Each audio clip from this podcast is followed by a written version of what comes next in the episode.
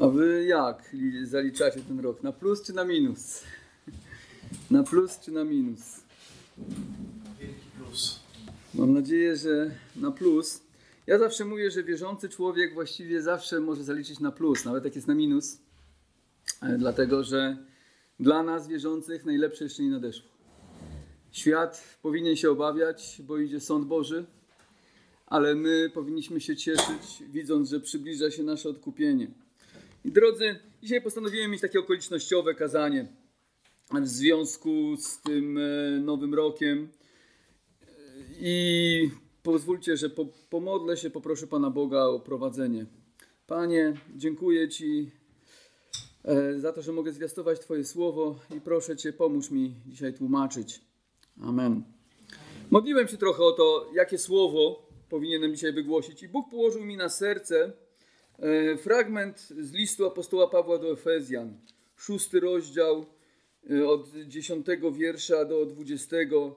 Dobrze nam znany fragment, wielu z nas pewnie nie raz czytało, może nawet znamy na pamięć. Otwórzmy szósty rozdział Efezjan od dziesiątego wiersza do dwudziestego. W końcu, bracia moi, umacniajcie się w Panu i w potężnej mocy Jego przywdziejcie całą zbroję Bożą, abyście mogli ostać się przed zasadzkami diabelskimi. Gdyż bój toczymy nie z krwią i z ciałem, lecz z nadziemskimi władzami, ze zwierzchnościami, z władcami tego świata ciemności, ze złymi duchami w okręgach niebieskich. Dlatego weźcie całą zbroję Bożą, abyście mogli stawić opór w dniu złym i dokonawszy wszystkiego ostać się. Stójcie tedy, opasawszy biodra swoje prawdą, przywdziawszy pancerz sprawiedliwości i obuwszy nogi, by być gotowymi do zwiastowania Ewangelii pokoju. A przede wszystkim weźcie tarczę wiary, którą będziecie mogli zgasić wszystkie ogniste pociski złego. Weźcie też przyłbicę zbawienia i miecz ducha, którym jest Słowo Boże. W każdej modlitwie i prośbie zanoście o każdym czasie modły w duchu i tak czuwajcie z całą wytrwałością i błaganiem za wszystkich świętych i za mnie, aby mi, kiedy otworzę usta moje, dana była mowa do śmiałego zwiastowania Ewangelii, dla której poselstwo sprawuję w więzach, abym ją mógł z odwagą zwiastować, jak to czynić winienem. Drodzy, skończył się ten 2022 rok, przed nami kolejny. Mam nadzieję, że chcemy się poświęcić służbie Bogu w tym nowym roku, tak jak tutaj już było wspomniane.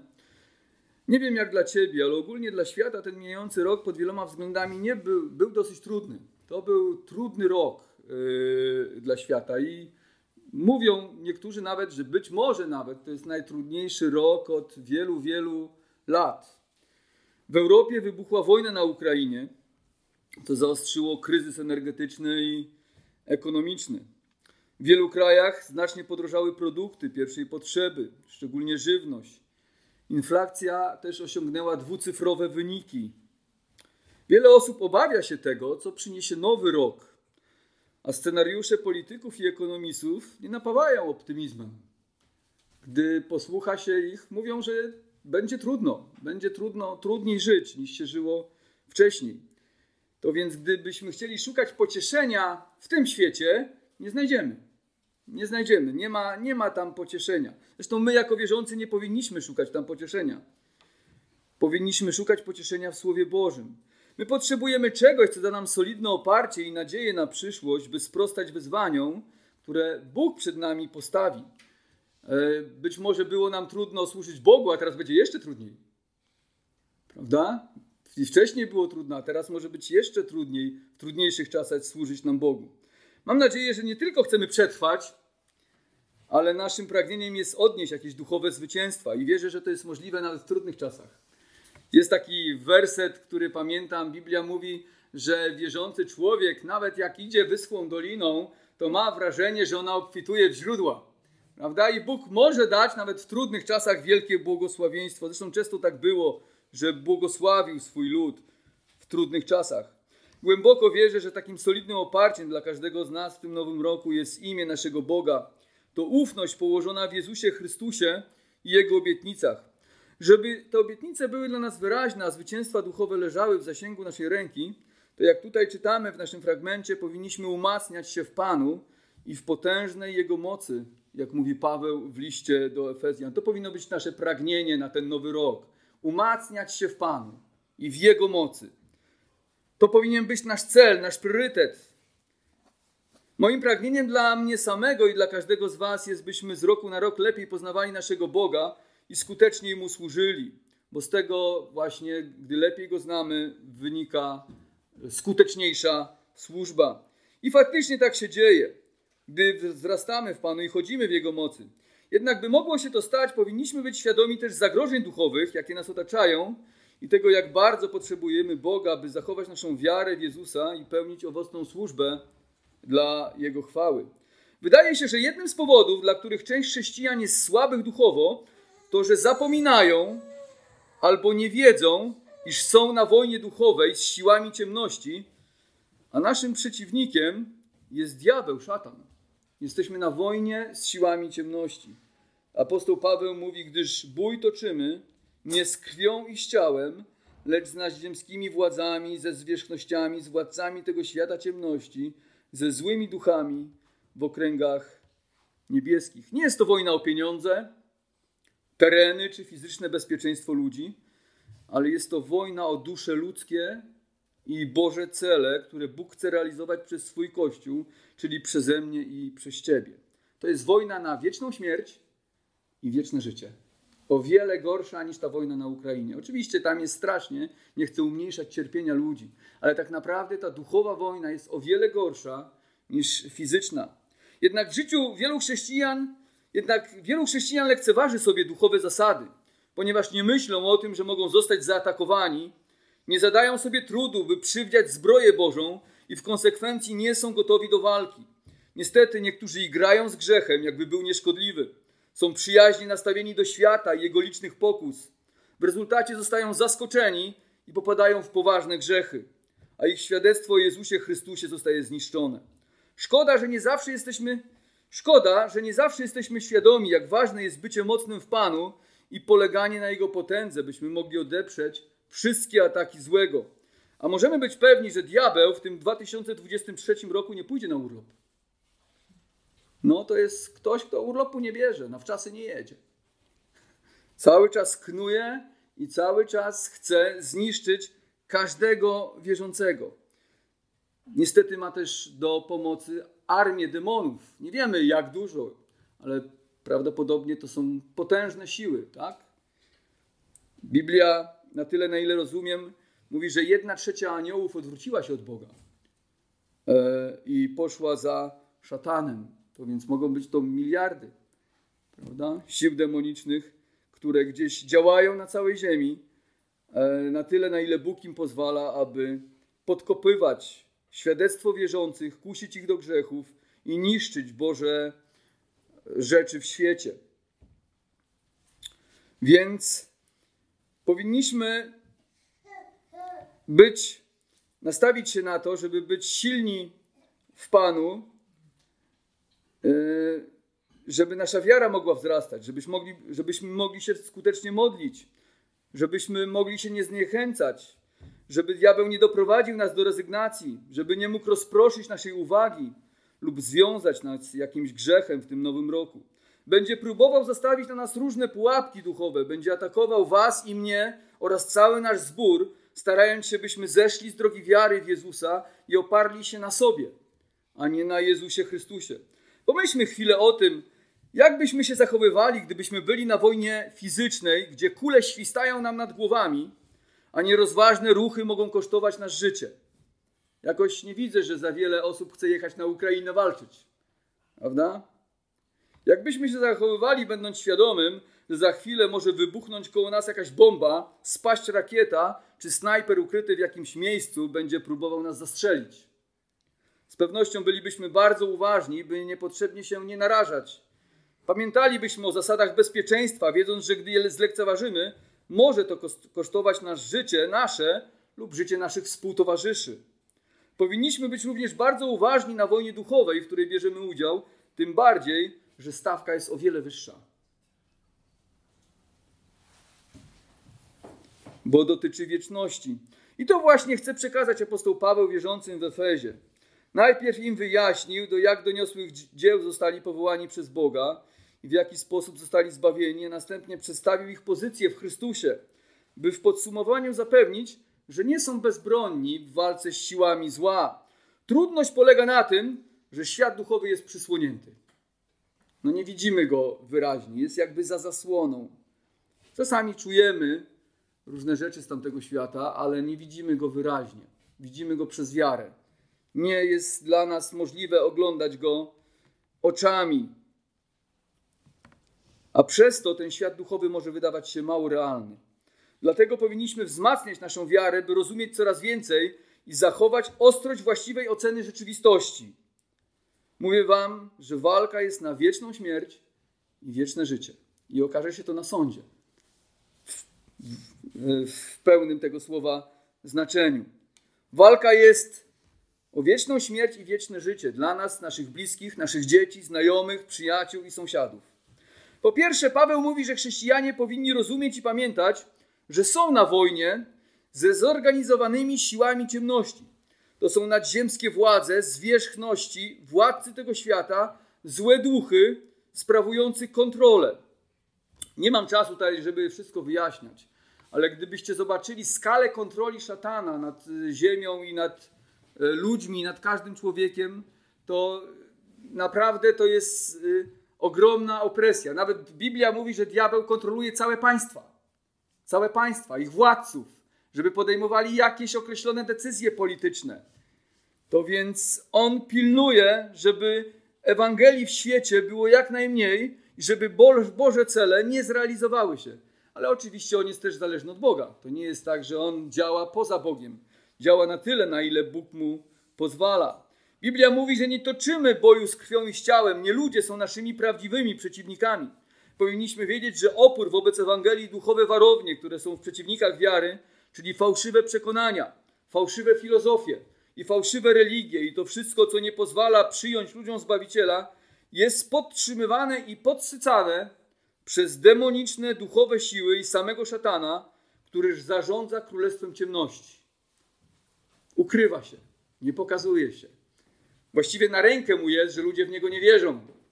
Cieszy się z tego kiedy jesteśmy ignorantami wobec jego działania. Nie powinniśmy lekceważyć sił ciemności. Nie chodzi o to, by się nimi zajmować jakoś przesadnie, ale bycie świadomym, z kim mamy do czynienia, pozwala nam odpowiednio być przygotowanym do walki. Żaden mądry żołnierz nie wybrałby się na front bez wyposażenia wojskowego, munduru i obuwia oraz wszystkiego innego, co pozwala mu e, przeżyć. Nowy Testament wielokrotnie ostrzega przed diabłem jako naszym przeciwnikiem, Przedstawia go jako Boga tego świata, który nieustannie knuje, kłamie i buduje światowy system w buncie przeciwko Bogu, trzymając ludzi w duchowej niewoli, by nie świeciło im światło Ewangelii. Zwróćcie uwagę na kilka wierszy. 1 Piotra 5,8. Taki znany wiersz. Bądźcie trzeźwi, czuwajcie. Przeciwnik wasz diabeł chodzi wokoło jak lew ryczący, szukając kogo by pochłonąć. Będzie też to robił w 2023 roku. Będzie chodził koło ciebie i koło mnie, koło naszego zboru. Ryczał, warczał, pilnował, żeby zniszczyć każdego z nas i odciągnąć nas od naszego Zbawiciela. Apostoł Paweł przestrzegał Koryntian, by nie dać się podejść diabłu. To jest 2 Koryntian 2:11, 11 wiersz i 11 wiersz, a także trzeci. Mówi, że diabeł chytrością zwiódł Ewę, i to samo chce uczynić wobec wszystkich chrześcijan. Pragnie osłabić nasze oddanie Chrystusowi, Jego sprawą, osłabić naszą gorliwość, szczerą miłość do naszego Zbawiciela i skupić naszą uwagę na rzeczach nieistotnych, które podnosi do rangi rzeczy ważnych. Zajmujesz się pierdołami, ale masz wrażenie, że to jest tak ważne, że niecierpiące zło. Tym musisz się zająć, a nic nie robisz. Nic nie robisz. Ale diabeł chce cię o tym przekonać, że to jest tak ważne w tej chwili. Diabeł również przygotowuje zasadzki. Czytamy w naszym tekście, że powinniśmy ubrać całą zbroję Bożą, by ostać się przed zasadzkami diabelskimi. Jego działanie jest mało skuteczne wobec tych chrześcijan, którzy umacniają się w Panu i są przyodziani w Bożą zbroję. Jeśli jednak lekceważymy zalecenia Bożego Słowa, marnujemy czas, który dał nam Bóg, dając przystęp szatanowi, to bardzo się narażamy. Kolejna rzecz jest taka, że odpór diabłu możemy dać tylko wtedy, kiedy walczymy siłą Bożej potęgi, dlatego powinniśmy być mocni w Panu. Zobaczcie, w końcu bracia, umacniajcie się w Panu i w potężnej mocy Jego. Musimy walczyć, jeśli chcemy wygrać potyczkę z szatanem, Bożą siłą, nie naszą.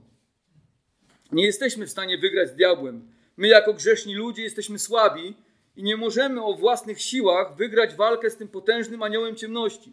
Diabeł nie boi się mnie, ani ciebie, ani żadnego z nas, nie boi się tupania na niego, krzyczenia, wyzywania go, czy czegokolwiek jeszcze innego, co wynika z siły naszej cielesności. Właściwie śmieje się z tego. Nie boi się tego w ogóle. Diabeł boi się tego, który jest w nas. Nie nas, Biblia mówi, ale boi się tego, który jest w nas. Czyli boi się Chrystusa. Jego imię jest ponad wszelkie imię. To Chrystus ma moc i siłę, by pokonać szatana i odeprzeć wszystkie jego kłamstwa. To natomiast, co my musimy robić, żeby wygrać siłami ciemności, to dbać o naszą społeczność z Panem Jezusem. O to mamy się troszczyć. Tego pilnować w tym nowym roku. Gdy czytamy uważnie Nowy Testament, to zobaczymy, jak często pojawiają się tam słowa o umacnianiu przez Pana, czy potrzebie umocnienia przez Boga. W liście do Efezjan w pierwszym rozdziale jest powiedziane w 19 wierszu o wielkiej mocy Boga okazanej i działającej w nas, który sprawia, że nasza wiara może się rozwijać. Czyli Bóg przez swoją moc sprawia ciągle, cały czas, że wiara nasza rośnie. Prawda?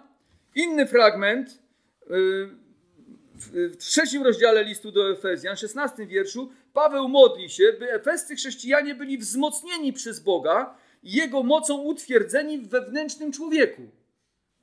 Czyli żeby Bóg ich wzmocnił, żeby Bóg dał im moc, żeby Bóg dał im siłę.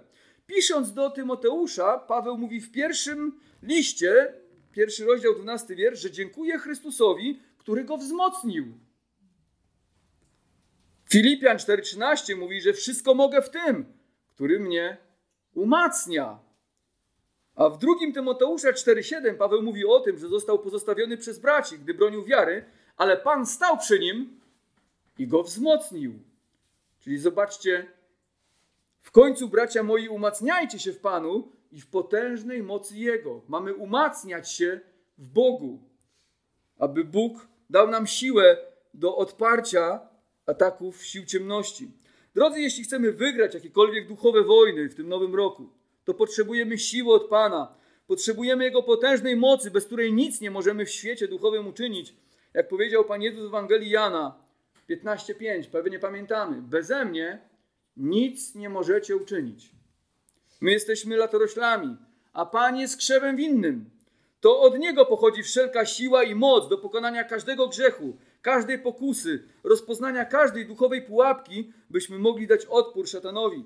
Każdy chrześcijanin, który myśli, że jest na tyle silny i mocny w swoim duchu, że sobie poradzi i nie zabiega o bliskość z Chrystusem i nie dba o regularną społeczność z Nim, niestety lekceważy w ten sposób Pana i objawia pychę swego serca.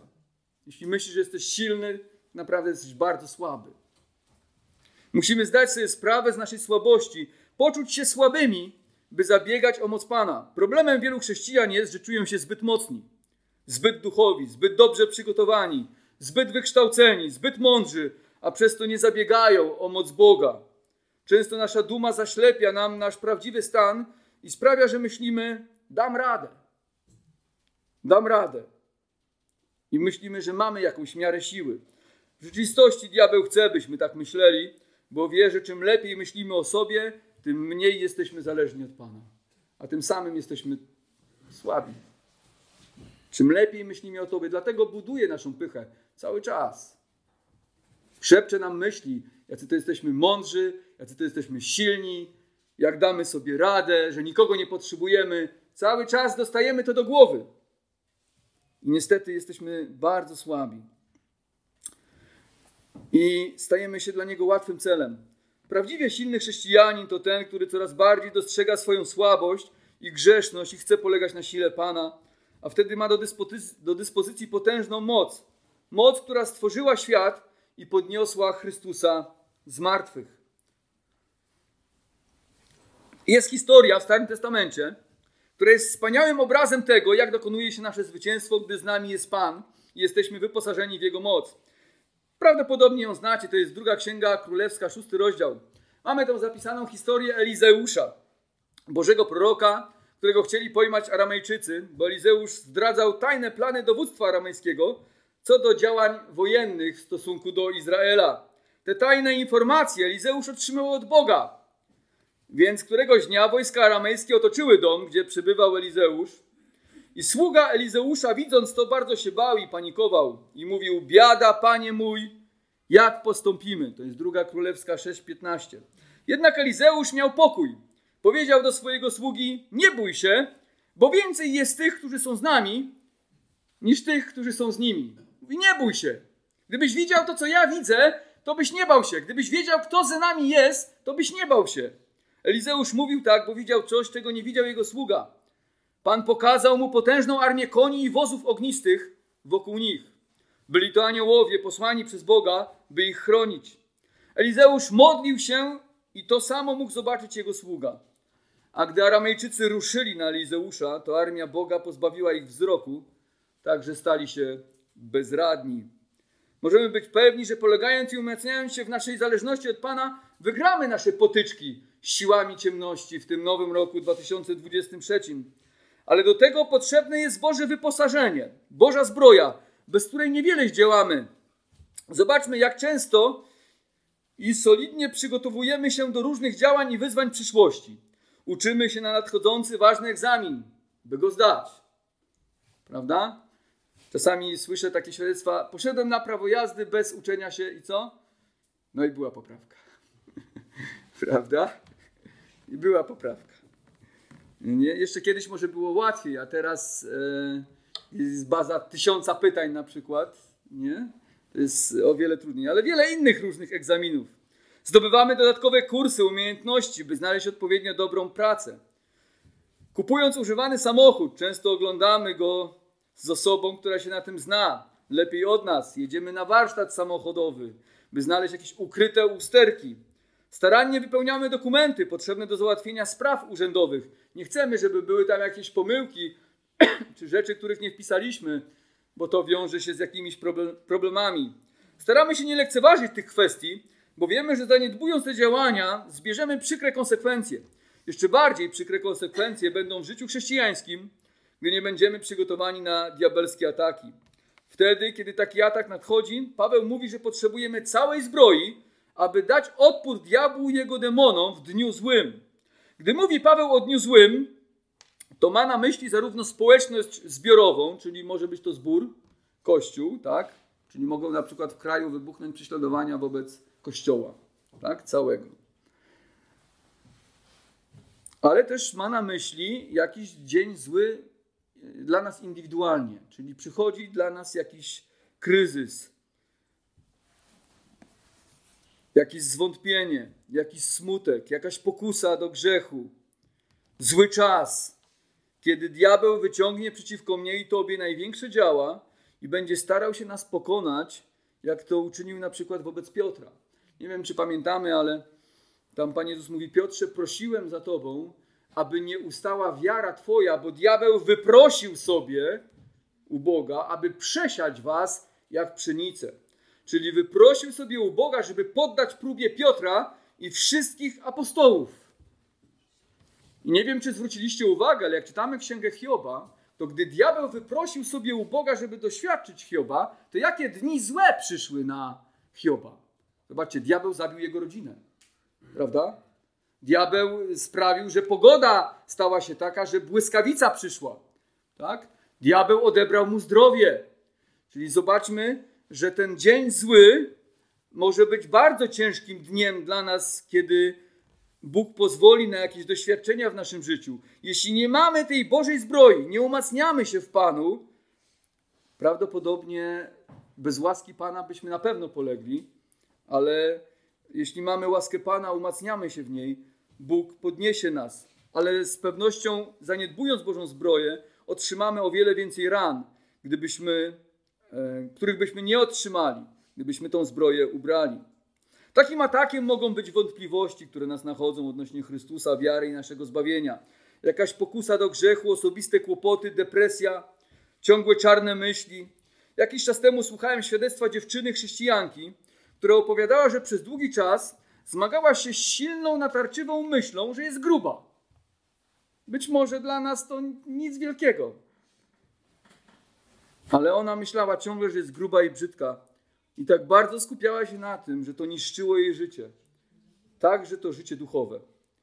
Wołała w tej sprawie do Pana i zrozumiała, że powinna skupiać się na Panu, na Chrystusie i Jego łasce, a nie na sobie. W końcu po jakimś czasie Pan uwolnił ją od tego i poczuła się piękna i kochana przez Boga. Ale ta opresja była w jej życiu tak głęboka i tak silna, że nie mogła sobie z tym poradzić.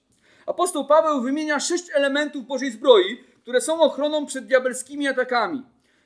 Jest to pas prawdy, pancerz sprawiedliwości, nogi wyposażone w sandały gotowe do zwiastowania Ewangelii, tarcza wiary, hełm zbawienia i miecz ducha, którym jest Słowo Boże.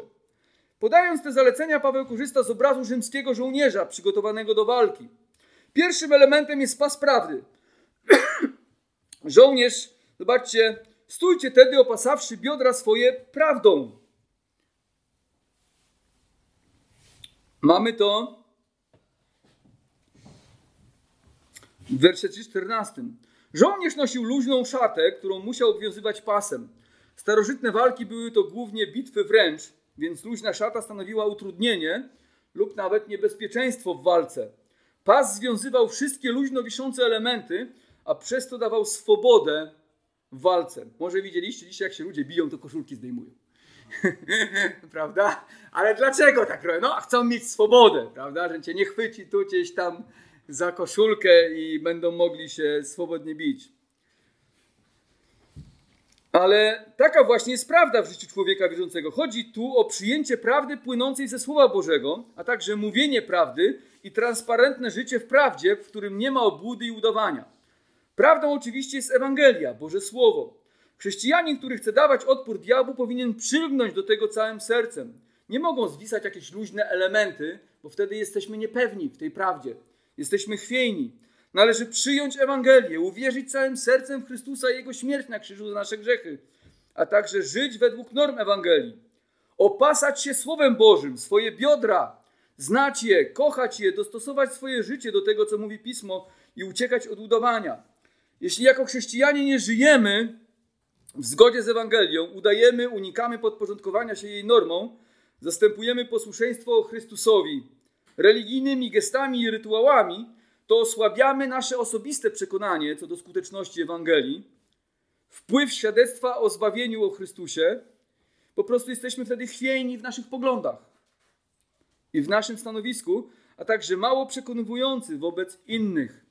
Często też nie mamy siły z innymi rozmawiać o Chrystusie, dzielić się Ewangelią, bo wiemy, że to, co mówimy, nie do końca jest prawdziwe w naszym życiu. Druga rzecz, która pozwala nam się bronić przed intrygami szatana, to pancerz sprawiedliwości. Tak, czytamy tutaj e, w naszym fragmencie. A przede wszystkim, e, przywdziawszy pancerz sprawiedliwości, czternasty wiersz. Była to mocna, pozbawiona rękawów kamizelka, zrobiona z grubej skóry lub z metalu. Chroniła ona klatkę piersiową podczas walki i ważne organy wewnętrzne, jak serce i płuca. Jak byłem w wojsku w 1999 roku, to miałem na kompanii w moim plutonie pasjonata starej broni. Przynosił czasami na kompanię miecz tak, i gdzieś tam chował pod łóżkiem. Ale gdy mieliśmy wolny czas, nawijał gruby drut na rolkę i ciął z niego kółka i plód właśnie taką kamizelkę w wolnym czasie. Może widzieliście czasami, jak rycerze zakładają taką kamizelkę, że jak miecz y, by uderzył albo byłoby pchnięcie mieczem, to to mogło uratować im życie. Do dzisiaj mamy kontakt i nawet rozmawiamy o, Chrystu, o Chrystusie. Pancerz sprawiedliwości, który mamy ubrać, to przyodzianie się w sprawiedliwość Chrystusa przede wszystkim, która została nam przypisana, gdy uwierzyliśmy w Niego.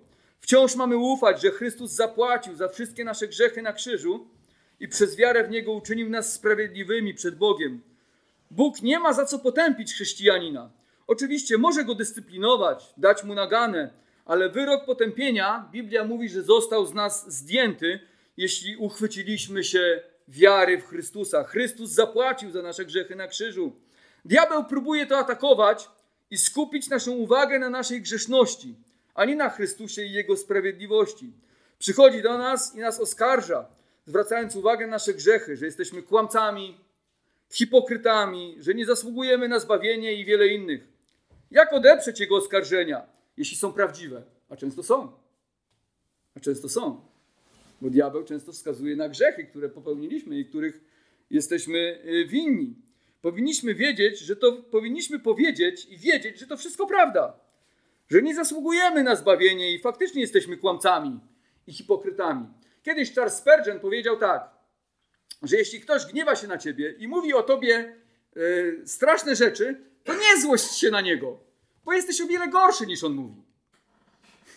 Nie? I to jest prawda. Kiedy ktoś myśli o tobie złe rzeczy i mówi na ciebie złe rzeczy, to nie bądź zły. Tak naprawdę jestem o wiele gorszy niż on mówi, bo nie zna wszystkiego.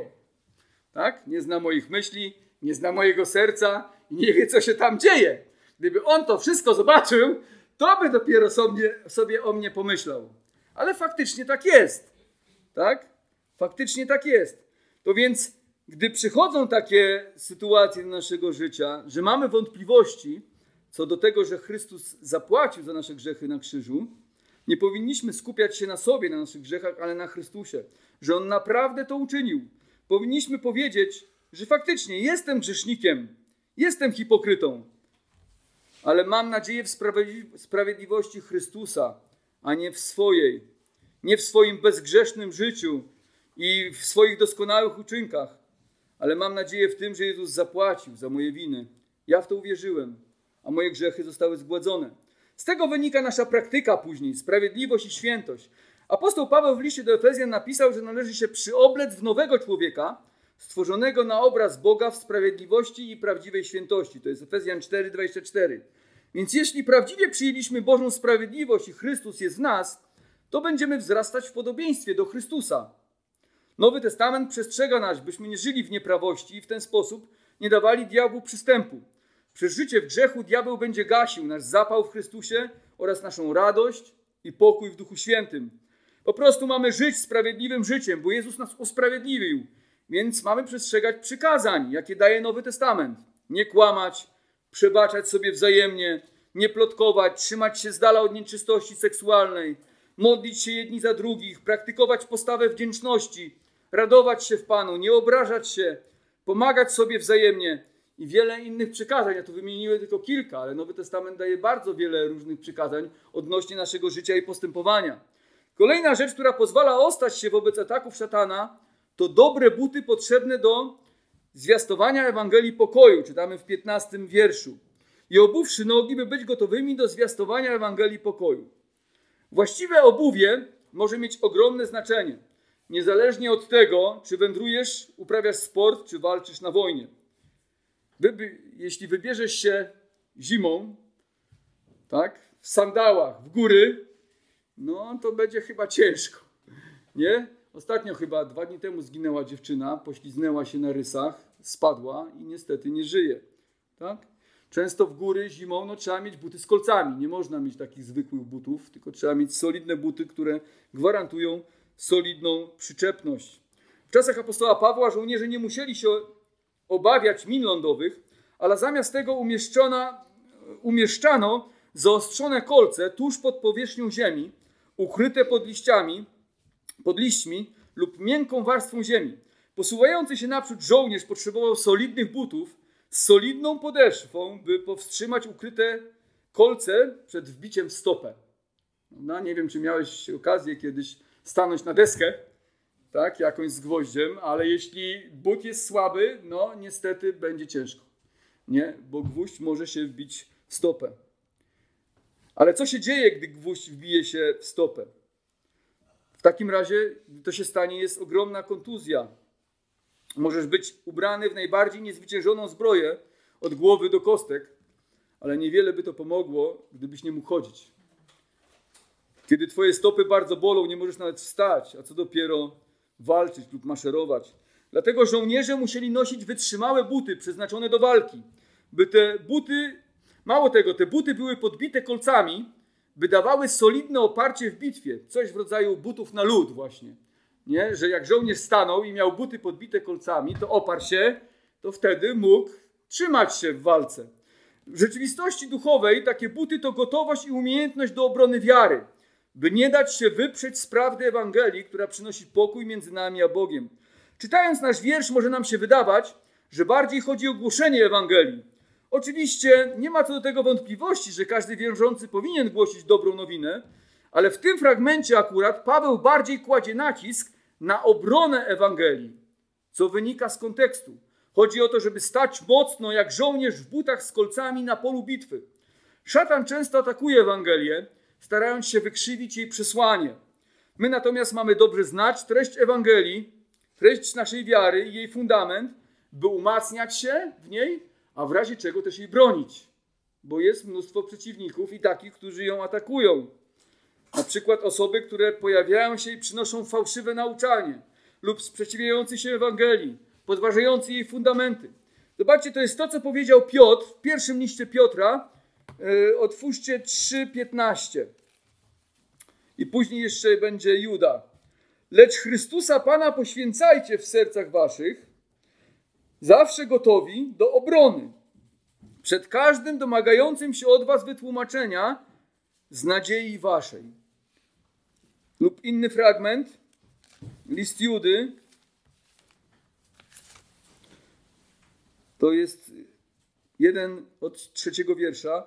Kochani, zabierając się z całą starannością do napisania wam o naszym wspólnym zbawieniu, uznałem za wskazane wezwać was do podjęcia poważnej walki w obronie wiary, raz na zawsze przekazanej świętym, bo wślizgnęli się między was pewni ludzie, na których już dawno zastał wydany wyrok potępienia.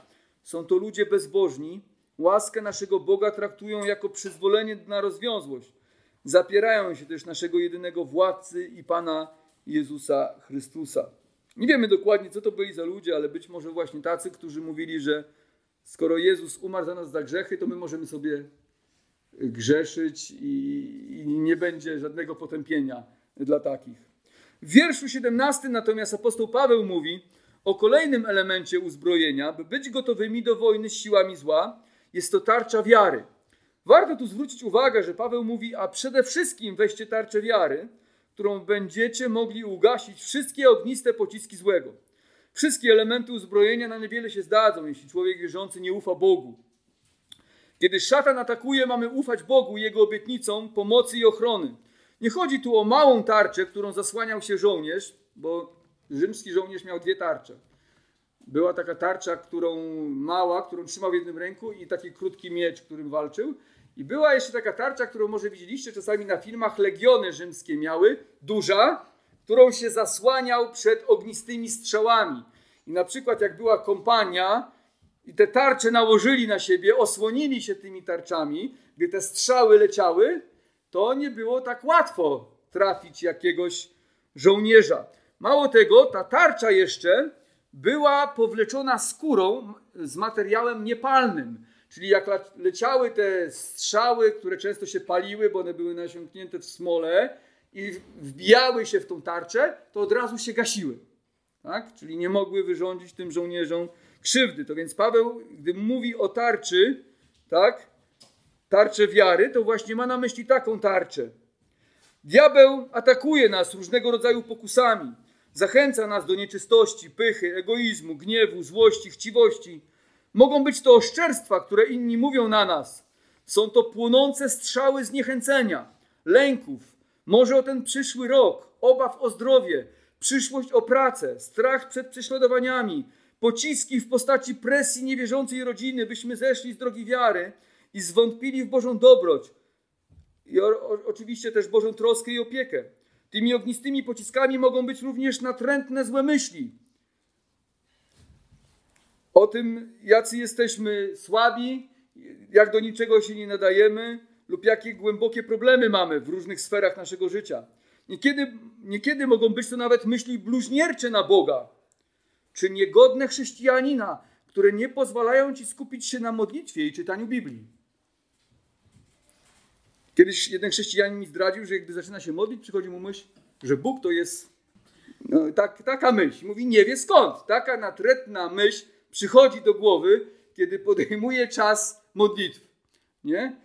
że wie, że to jest z zewnątrz. Takie nawet straszne myśli mogą chrześcijanowi przychodzić do głowy, kiedy on szuka społeczności z Bogiem. To więc diabeł w ten sposób atakuje nas różnymi rzeczami. I należy się chronić właśnie tym, tą tarczą wiary. Ale czym ona konkretnie jest? Tarcza wiary to ufność w Boże obietnice, czyli Boże Słowo.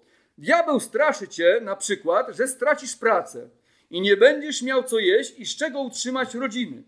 Ale Boże Słowo mówi, żeby nie martwić się o to, co będziemy jeść i w co będziemy się przyodziewać i szukać Królestwa Bożego i wszystko inne będzie nam dodane. Diabeł jednak chce przesunąć akcent szukania Królestwa Bożego na pierwszym miejscu na troskę o byt. Czyli straszy cię, że stracisz pracę i nie będziesz miał co jeść, żebyś myślał ciągle o pracy i trosce o bycie, a nie o Królestwie Bożym. Podobnie jest w wielu innych sprawach. sprawach. Ufasz Bogu w Jego prowadzenie i Jego pomoc. Jak powiedział Dawid w psalmie 18. Pan skałą i twierdzą moją i wybawieniem moim. Bóg mój opoką moją, na której polegam. Tarczą moją i rogiem zbawienia mego. Warownią moją. I tak diabeł może straszyć nas wieloma rzeczami w naszym życiu. I teraz, czy my uwierzymy w te jakieś e, kłamstwa diabelskie, czy uwierzymy w Boże Słowo, że Bóg się jednak o nas zatroszczy i otoczy nas opieką. Jakiś czas temu przeczytałem wiersz Dietricha Bonhoeffera, niemieckiego ewangelicznego teologa, skazanego na śmierć za to, że sprzeciwił się Hitlerowi. Tak pisał krótko przed egzekucją z więzienia. Posłuchajcie tego wiersza.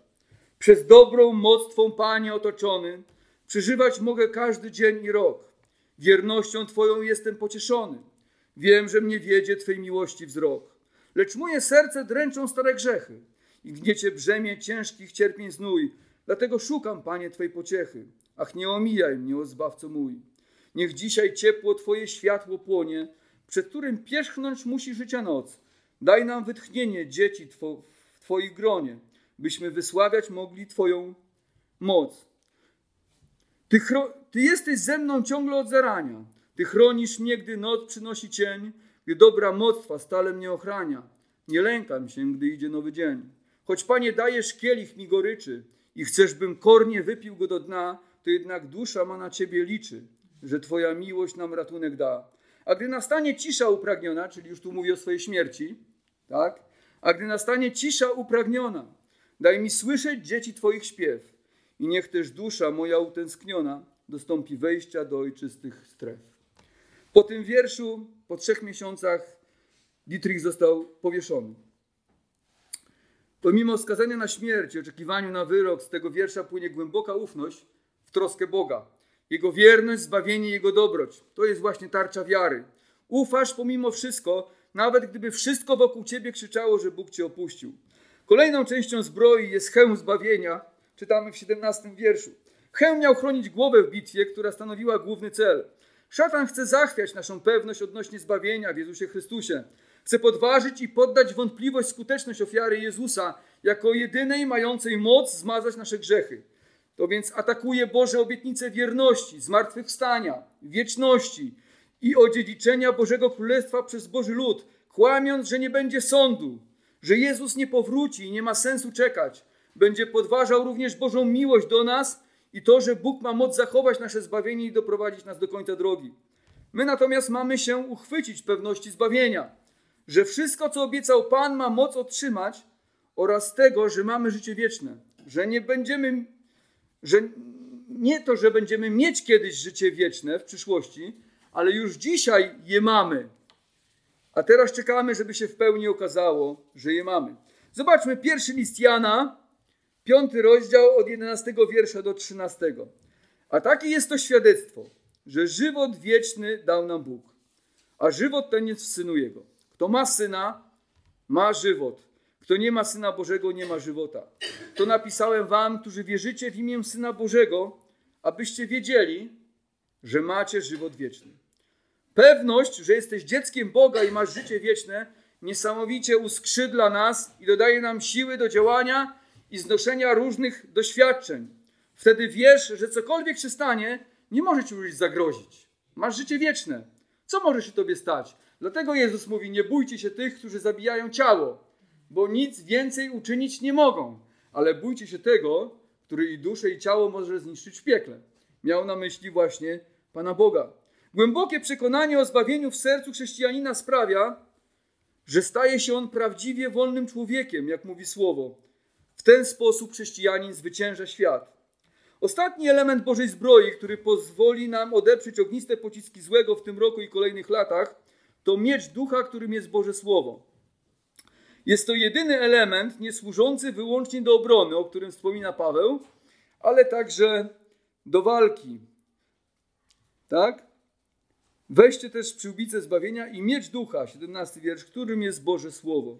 W liście do Hebrajczyków 4:12 również czytamy o porównaniu Bożego Słowa do miecza. Bo Słowo Boże jest żywe i skuteczne, ostrzejsze niż wszelki miecz obosieczny, przenikający aż do rozdzielenia duszy, ducha, stawów i szpiku, zdolny osądzić zamiary i myśli serca.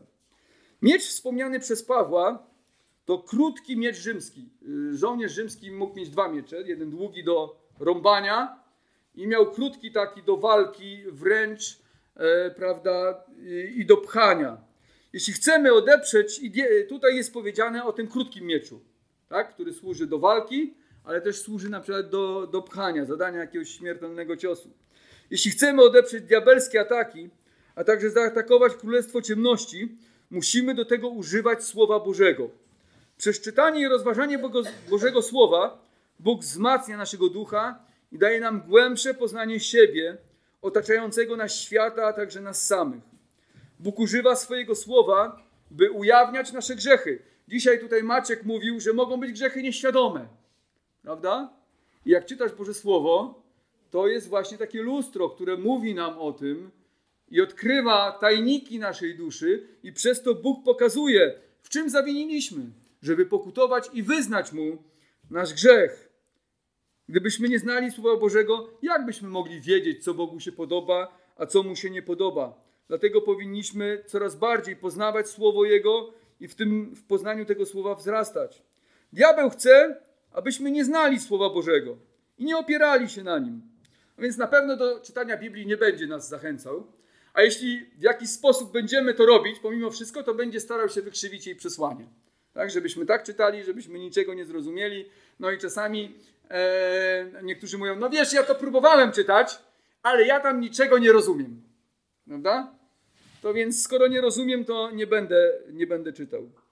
Szatanowi nie przeszkadza, gdy będziemy opierać się na swoich odczuciach, swoich wizjach i sam i, e, i na naszych snach, swoich przekonaniach i poglądach, na tym, co mówią inni ludzie.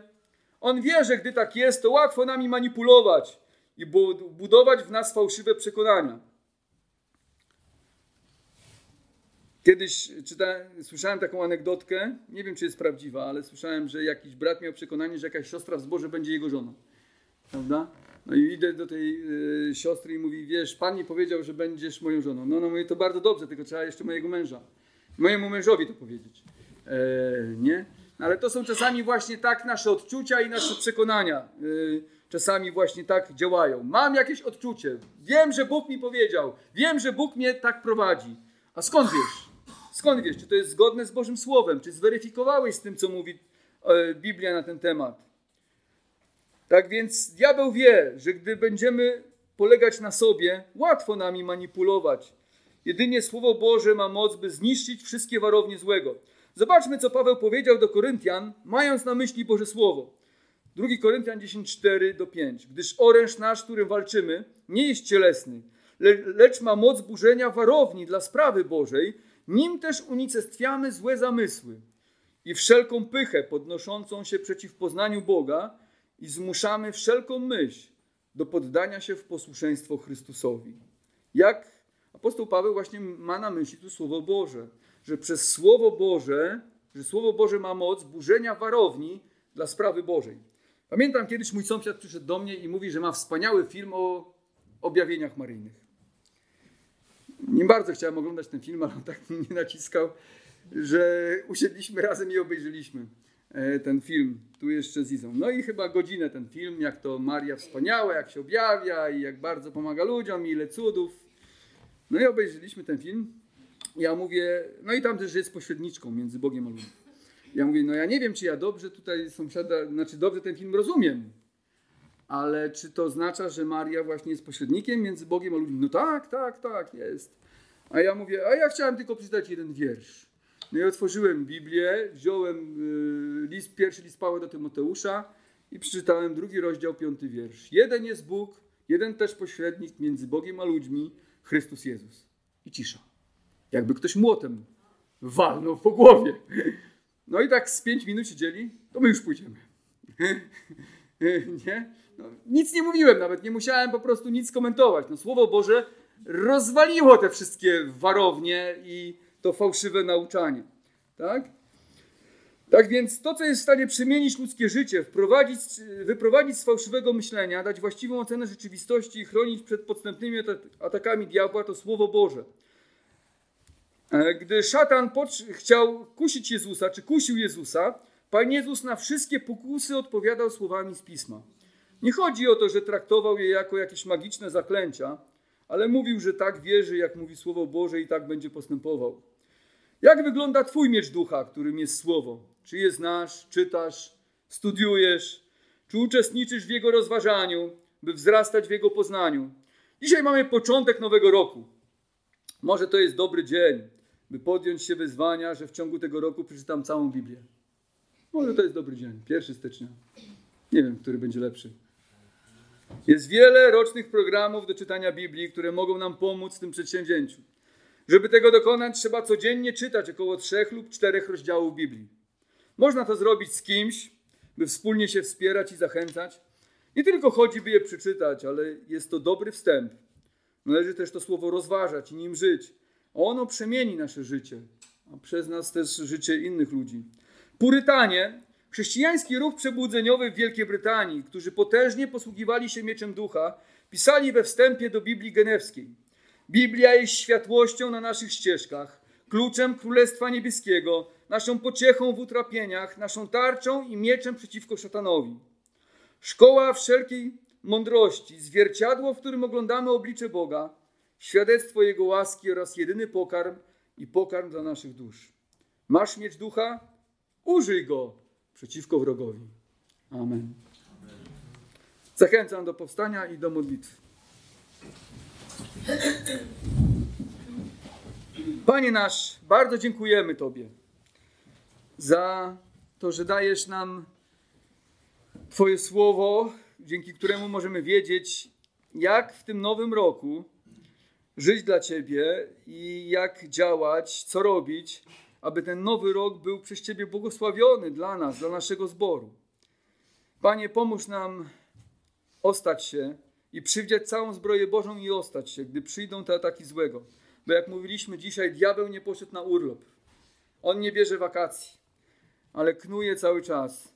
A Ty chcesz, żebyśmy byli mocni w Tobie, zbliżali się do Ciebie, Panie. Pomóż mi być blisko Ciebie, moim braciom i siostrom i całemu naszemu zborowi, Kościołowi w Polsce, Kościołowi Baptystów, aby Kościół Baptystów w Polsce był blisko Ciebie. Boże, wstawiamy się o prezbitera Marka Głodka, też żeby szukał Ciebie, całą Radę Kościoła, żeby szukali Ciebie i w ten sposób, żeby nasz Kościół w Polsce tutaj miał wpływ na naszych rodaków, obywateli tego kraju. Błagamy Cię o to, Panie. Pomóż nam ostać się przed diabelskimi zasadzkami i pomóż nam używać Twojego miecza, którym jest Twoje słowo, aby odeprzeć te ataki złego, tarczy wiary, aby zgasić te ogniste strzały, które lecą w naszym kierunku, Panie, aby stać mocno też w Ewangelii, wiedzieć, wiedzieć komu uwierzyliśmy i czemu uwierzyliśmy. Pomóż nam, Boże, zachować w tym nowym roku naszą wiarę, którą nam ofiarowałeś, wiarę w Ciebie i odnosić zwycięstwa duchowe. Amen.